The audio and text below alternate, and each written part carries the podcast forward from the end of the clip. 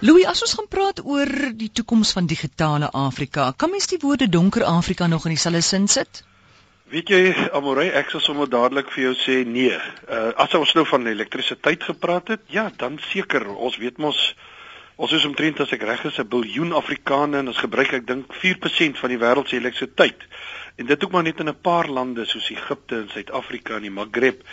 Maar uh gelukkig Gelukkig is is dit nie so as ons praat van die internet nie. As jy as jy praat oor die virtuele toekoms, dan is dit nie van hierdie fisiese dinge afhanklik nie, want 'n 'n selfoon en 'n selfoonnetwerk vra nie baie krag nie. En in die mees afgelewe uh jy weet afgeleë dorpies het ek met my eie oë al gesien dat mense hierdie selfone laai deur middel van motorbatterye. Ek het al gesien dat hulle op fietses sit en trap en dit laai en sonpanele en al uh, jy weet al hierdie tipe van innoverende maniere net om selfone te kan gebruik. En ek kan ook sê dit is algemeen bekend dat konnektiwiteit en selfoongebruik in Afrika teen ongelooflike tempo groei. Jy weet fenomenaal kan 'n mens sê. En gaan jy na selfs daardie oorloggetuiste getuisterde in die armste gebiede dan vind jy mense is besig op hulle selfone, jong mense op die internet besig met Facebook veral, is baie gewild in Afrika op die oomblik. En daarom as jy vir my vra, kan ons nog praat van donker as ek nee, allermins uh, wat krag betref, dalk uh maar definitief nie. Ons gaan die stem van Afrika binnekort in die virtuele wêreld baie deeglik hoor en baie deeglik van kennis neem. Hoekom ervaar Afrika dan hierdie skielike toename in internetgebruik via selfone?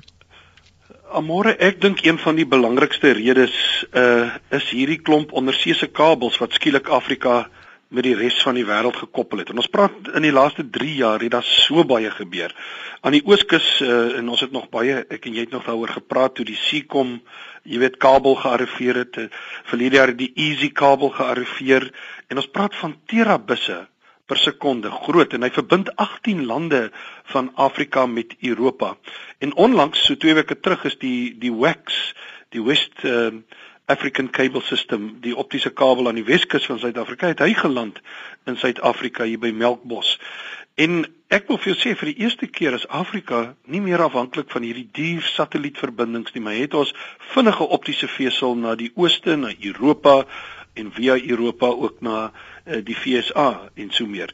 Nou uh dis nie dis dis nie ook net die spoed wat vinniger is nie, maar die breëbandkostes het ook begin daal. Nou nie oral so vinnig nie, maar in party van die Afrika lande het ek gekyk na wat die pryse was en wat dit tans is en ek kan vir jou sê dis ongelooflik.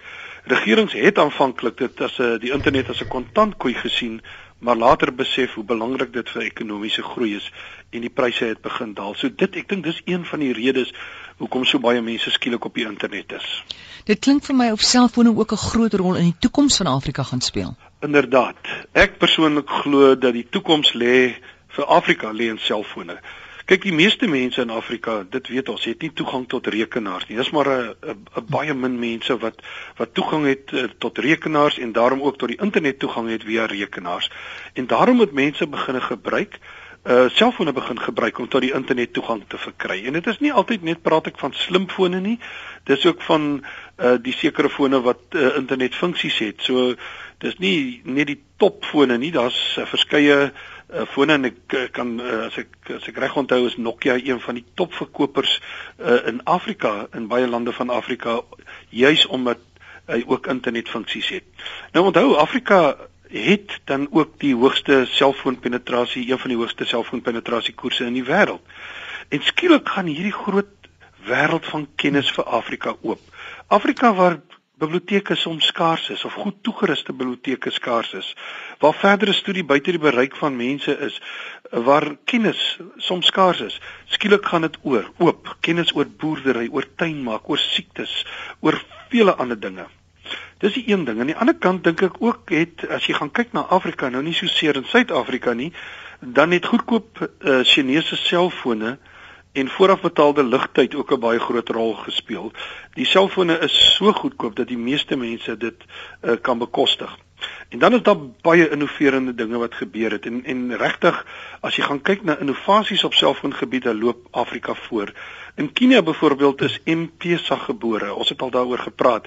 Dit maak dit vir jou moontlik, hy's ook in Suid-Afrika beskikbaar, maar jy kan geld van tussen selfone oordra waar ligtyd dan 'n kommoditeit word. En uh, wonderlike dinge en daar's al hoe meer uitvindings wat wat hier gebeur. En glo my na mate selfone en slimfone kragtiger word uh, sal ons al hoe meer innovasies uh, op hierdie gebied sien. En gaan dit kom uit Afrika uit. Afrika het 'n unieke manier om dinge toe te eien om mm. dinge hulle eie te maak om 'n unieke manier om dit te gebruik. En ek ek het al gesien hoe hulle uh, selfone in Afrika het toe ek in Kenia was programmeer om deure oop te maak en toe te maak. Die een ou het 'n selfoon by sy huis en as hy op pad huis toe kom, dan bel hy die selfoon en begin die selfoon sit dan die teemaker aan en maak hy tee soos lank hy op pad huis toe is. Innoverend. Ehm um, maar nou ja, ek dink daar's ongelukkig nog baie regerings ook in Suid-Afrika wat ons glo die toekoms lê in internetkafees of die toekoms lê in e-sentrums of gemeenskapsentrums en jy moet in elke dorp so 'n instapsentrum hê. Ek dink hmm. die toekoms lê nie daar nie. Ek dink die toekoms lê in die superrekenaar selfoon in die sak van elke Afrikaan. Ons gaan dramatiese groei en innovasie op hierdie gebied sien. Hoeveel selfone in Afrika kan mens sê het toegang tot die internet? Weet jy, die jongste syfer wat ek gesien het toe ek dit nageslaan het, was dat daar's 84 miljoen selfone in Afrika en hulle of meer as 84 miljoen, maar 84 miljoen selfone hmm. het toegang tot die internet en dit is vir my geweldige klomp. En dan sê hulle teen 2014 gaan dit 69% van alle selfone in Afrika wees wat toegang het. So dis beduidend uh, dat die internet al hoe jy weet al 'n groter rol sal speel dink ek. En uh hierdie uh, skielike deelname aan demokra uh, die, die demokrasie en die ekonomie en die sosiale lewe het natuurlik nogal 'n paar veranderinge teweeggebring. Ek dink 'n mens kan onthou wat in Egipte en Tunesië en al hierdie plekke uh, gebeur het. Dit is geweldige kragtige instrument wat uh, wat wat ons het. En daar's veral twee maatskappye dink ek wat 'n groot rol speel tans en in die toekoms en dis Facebook en Google as jy kyk na selfone. Ja, hoekom jy's nou daai twee vertel? Weet jy Facebook uh is omdat uh ek dink uh, Facebook het 'n baie slim strategie gehad. In baie lande was die toegang tot Facebook gratis omdat die koste is deur Facebook en die selfoonvervaardigers en ook netwerkoperateurs gedra. So dis nou nie in Suid-Afrika nie, maar ander lande was dit wel so. So as jy sodra jy na Facebook gaan, is dit gratis en sodoende het kommunikasie deur Facebook begine plaasvind want dit is baie goedkoper natuurlik as 'n teksboodskap hmm. en later het Twitter natuurlik nou gekom en so meer.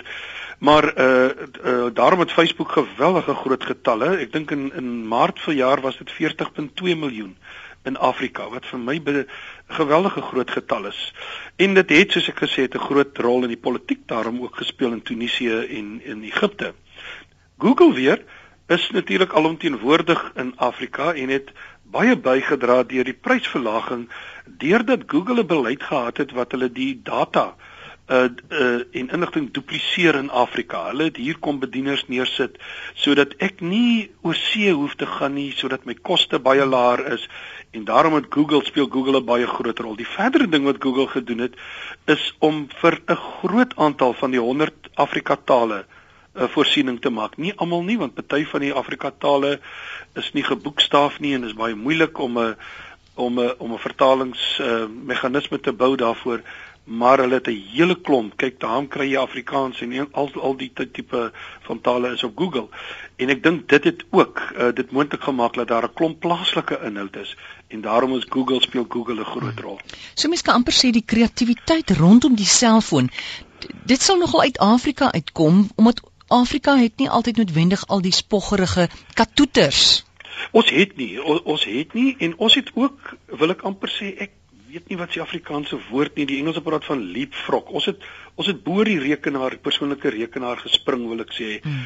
Ons ons ken die instrument, ons mense van van 'n selfoon en ons is ongelooflik kreatief met dit. Hmm. Uh, met die bietjie wat ons het, het doen Afrika nogal baie en ek dink vir my op die oomblik as ek kyk na die van die mees uh, innoverende uh, dinge wat gebeur en ook in in wat jy gesê het die toeps die toepassings wat ons mm. kry is innoverend uit Afrika. Ek het uh, gekyk al na 'n hele paar toe ek by 'n konferensie was in Kenia en dis ongelooflik wat ons doen. Baie meer wil ek sê innoverend as sommige ander dele van die mm. wêreld.